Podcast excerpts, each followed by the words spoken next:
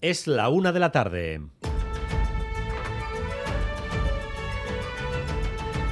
Crónica de Euskadi con Dani Álvarez.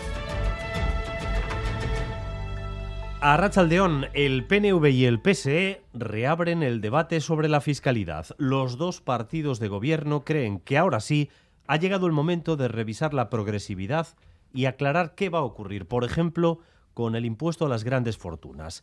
Y todo ello a cuatro meses de unas elecciones en las que se van a renovar los tres órganos que deben aprobar una posible reforma fiscal las Juntas Generales. Y Manuel Manterola. El gobierno vasco da por hecho que ya quedará para la próxima legislatura de las Juntas, es decir, serán los parlamentos forales que salgan en mayo los que deberán aprobar esta reforma. En todo caso, el proceso no ha hecho más que empezar. Se han iniciado los contactos entre PNV y PSE para reformar un sistema que ha funcionado muy bien, según reconocen ambos partidos, pero que toca revisarlo. Con dos puntos calientes, aumentar la progresividad es el objetivo que se han marcado y adaptar a Euskadi el impuesto de las grandes fortunas aprobado en Madrid. En Madrid, precisamente, desde hoy está en marcha otro debate, el de la subida del salario mínimo. Esta vez los empresarios, que nunca han sido unos entusiastas de este tema, directamente se han plantado y no se han presentado a la reunión.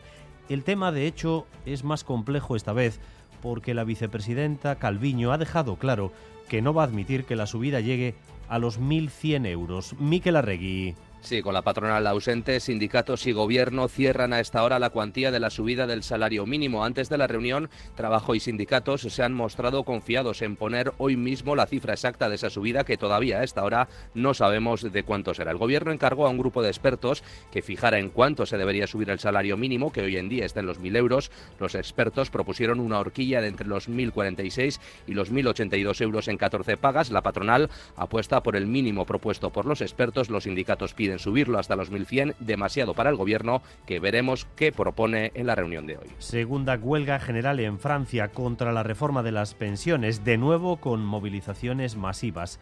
En Bayona más gente incluso que en la primera, que ya fue récord, y con implicación de los jóvenes. Óscar Pérez. Se suceden las manifestaciones en la capital labortana y en otras ciudades del Estado francés. Hay previstas 240 durante todo el día. Ahora mismo son decenas de miles los ciudadanos que se movilizan a esta hora en lugares como Burdeos, Lyon o Rennes. Elle est impressionnante. C'est une force comme le 19 janvier, en plus important encore, avec beaucoup, beaucoup de grévistes. Et c'est pour ça que j'appelle moi l'intersyndicale nationale. Es impresionante y más gente que el 19 de enero. Mucha gente joven, decía el secretario general de Fuerza Obrera. El proyecto de reforma que eleva de los 62 a 64 años la jubilación está en la Asamblea Nacional y la próxima semana empezará a ser debatido. Los sindicatos quieren por ello hacer hoy una demostración de fuerza. Se lo hemos adelantado aquí en Radio Euskadi hace una hora. Novedades para el buque de rescate humanitario Aitamari. Acaba de recibir el permiso para navegar de nuevo, así que regresa al Mediterráneo a salvar vidas. Además, confían en que su expediente de multa acabe en nada. Maider Martín. Hace escasamente una hora, Capitanía de Castellón ha certificado que el buque de rescate Aitamari cumple los requisitos para poder zarpar de nuevo. Con esta inspección positiva, el despacho llegará desde la Delegación General de la Marina Mercante en las próximas horas. Antes de que acabe la semana, en función de lo meteorológico ya el miércoles o el jueves, zarparán de nuevo rumbo al Mediterráneo central. Entre tanto, a finales de semana presentarán las alegaciones contra esas siete sanciones impuestas por Italia en 2020. Se muestran positivos. La mayoría creen decaerán. Íñigo Mijangos, presidente de Salvamento Marítimo Internacional. Creo que las alegaciones que tenemos son sólidas y la mayor parte de esas alegaciones se, entiendo yo personalmente que se deberían de caer. Me falta mirar los archivos físicos de papeles, se la mandaré al abogado y yo creo que a lo largo de esta semana presentaremos las alegaciones. La Diputación de Guipúzcoa hace autocrítica tras el caso del menor tutelado que ayer se llevó su madre sin tener autorización para ello, aprovechando que el niño estaba en la calle. La policía trata de localizar a ambos y la portavoz, Eider Mendoza, admite que le han fallado al pequeño. Todos los años la Diputación Foral de Guipúzcoa de media acoge a 300, 300 menores eh, porque hay que sacarlos de sus domicilios puesto que están en una situación de desamparo. Lo inhabitual, lo extraordinario es eso. Pero lamentablemente eh, no llegamos a, a protegerla al 100% como ha sido el caso. Carlas Puigdemont y Llarena, capítulo 2387. Hoy el Tribunal de Justicia Europeo le ha recordado a Bélgica que no puede negarse a extraditar a Puigdemont a España.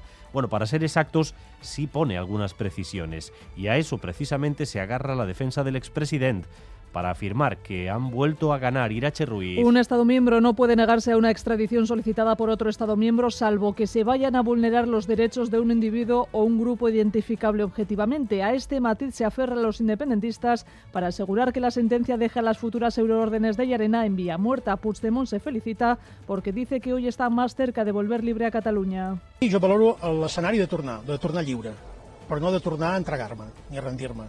I avui estem més a prop.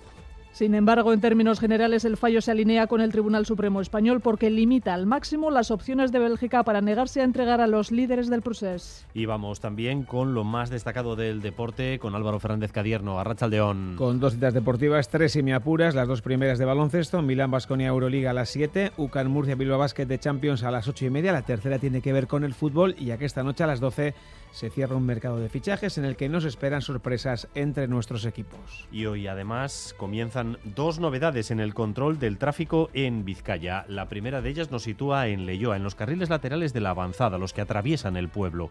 Ya están operativos los radares que controlan que no se sobrepasen los 30 kilómetros por hora. En una zona en la que ir a menos de 30 era normalmente eh, por avería o por algo así. Unidad móvil de Radio Euskadi y no hay iglesia. Ya están multando, sí, los dos radares de 30 en la calle Iparraguirre en la que estamos, es la paralela a la avanzada, sentido Bilbao y también sentido Guecho, y el tercer radar de 30 en la calle Luis Bilbao, Líbano. Cerca de la avanzada sí, pero esto es el centro de Leyoa, muy transitado, y los vecinos no estaban tranquilos con la velocidad a la que pasaban los coches. Se agradece que esos radares asustan un poco y ralentizan la velocidad del tráfico. Son zonas muy transitadas y con pasos de peatones y pasan bastante rápido. Están los colegios y todo eso ahí y ahí es donde han puesto el radar. Este es el centro total. A mí me parece bien porque hay veces que sí que van a velocidad, sobre todo por aquí por la avanzada. Y sí se nota que ahora desde que pusieron van más despacio los coches. Creo que están muy bien eh, los radares esos, porque precisamente en esos puntos, sobre todo en el lateral derecho, aquí se viene mucha velocidad.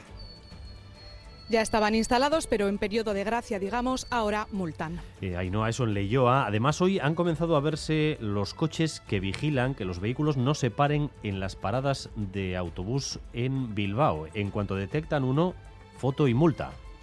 Sí, son dos coches estilo a los de la OTA que cuando ven coches estacionados en paradas de autobús, sus cámaras sacan foto, detectan la matrícula y lo derivan a la policía municipal para que ésta ponga la multa pertinente. Y es que para los choferes de Bilbo Bus esto es un problema real y serio. Escuchen. O sea, no podemos trabajar así. Hay coches delante y detrás, no te puedes meter y la gente se tiene que bajar muy mal. Entonces, por favor, que la gente pues que respete las paradas de autobuses y que, y que nos dejen dejar a la gente en condiciones. Porque llevamos gente mayor, sillas de ruedas, sillas de niños y mucha gente que no se puede bajar en medio de la carretera. Espero que esto sirva para algo, vamos. Y las multas no son moco de pavo, ¿eh? pueden ser bastante elevadas. Nora Abete, concejala de movilidad de Bilbao, hoy en Boulevard.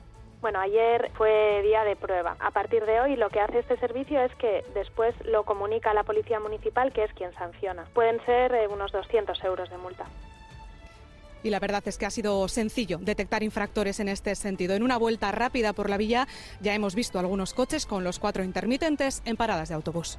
Ahora parco porque tengo que bajar a trabajar y mi esposo se lleva ahora mismo el coche y no hay a dónde. Es un segundito. Exacto. De hecho, ahora mismo me bajo. No, la verdad que no, no tenía constancia. Tienen completamente la razón, vamos. Al final les estamos dificultando ahí su trabajo. Bueno, pues parece que a todos nos parece bien y justo, pero también todos lo hacemos. Y a partir de mañana y hasta finales de año, las líneas de autobús de largo recorrido, recuerden, serán gratis para los usuarios habituales. Eso sí, hay que sacarse el abono y el abono se obtiene mediante las páginas web de las compañías, pero hay una, por ejemplo, la de la línea Castro Bilbao, que es una de las más utilizadas, que no funciona, así que los usuarios tienen que hacer eh, colas, largas colas en ventanilla. Natalia Díaz. De hasta hora y media frente a la única ventanilla en la intermodal en la que un único operario de la compañía IRB solo tramita los 20 euros que se están pidiendo de fianza. No sé a qué hora vamos a llegar a los sitios. Una hora llevamos más o menos. Sí, muy desinformados. Desinformados totalmente. Te metes en la web, no te da el enlace, es salta. Y no funciona, así que hay que venir aquí. Y preguntas a los choferes y los pobres no tienen ninguno ni idea de lo que tienen que hacer. La web sigue todavía a estas horas sin funcionar, nadie les aclara sus dudas. Ahora dicen que con el, la que, el que se pueda acoger a la tarjeta gratuita, que cancelan la otra tarjeta. Entonces la gente que no nos vayamos a poder acoger, perdemos esa subvención del 50%, que no me parece justo. Tampoco otras dudas como cómo tendrán que renovar cada trimestre el abono gratuito del Gobierno o si en el caso de Castro va a haber una única parada para los billetes gratuitos. Aquí en Castro, por ejemplo, es que sí que delimitan las paradas. O sea, te obligan a ir a una de las paradas dentro de la población.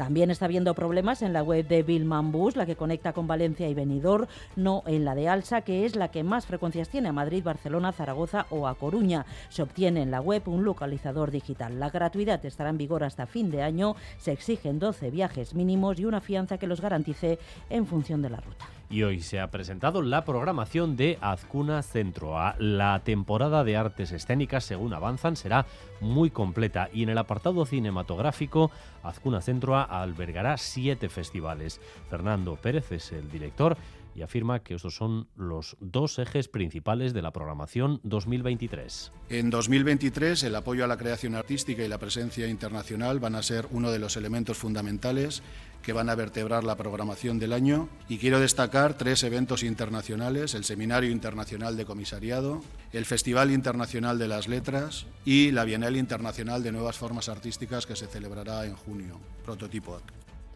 en cuanto al tráfico ahora mismo, recuerden que la AP8 lleva toda la mañana cortada en Guipúzcoa a la altura de Usurbil, sentido Irún, después de que volcara un camión. Cortada todavía esa AP8 en Usurbil, sentido Irún. La Archanza desvía el tráfico por la Guipúzcoa 20. En cuanto al tiempo, continúa marcado por la nubosidad. Las temperaturas se han suavizado algo desde ayer. Nos situamos alrededor de los 10 grados o más, pero las nubes irán a más a lo largo de la tarde en algunas comarcas y eso puede dejar precipitaciones que serán más probables en la zona de Guipúzcoa, Lapurdi o en el norte de Navarra. 11 grados en Bayona, 10 en Bilbao, 9 grados de temperatura en Donostia, 7 en Vitoria-Gasteiz y en Pamplona. Gracias un día más por elegir Radio Euskadi y Radio Vitoria para informarse. Raúl González y José Ignacio Revuelta están en la dirección técnica, Aitziber Bilbao en la coordinación. Crónica de Euskadi con Dani Álvarez.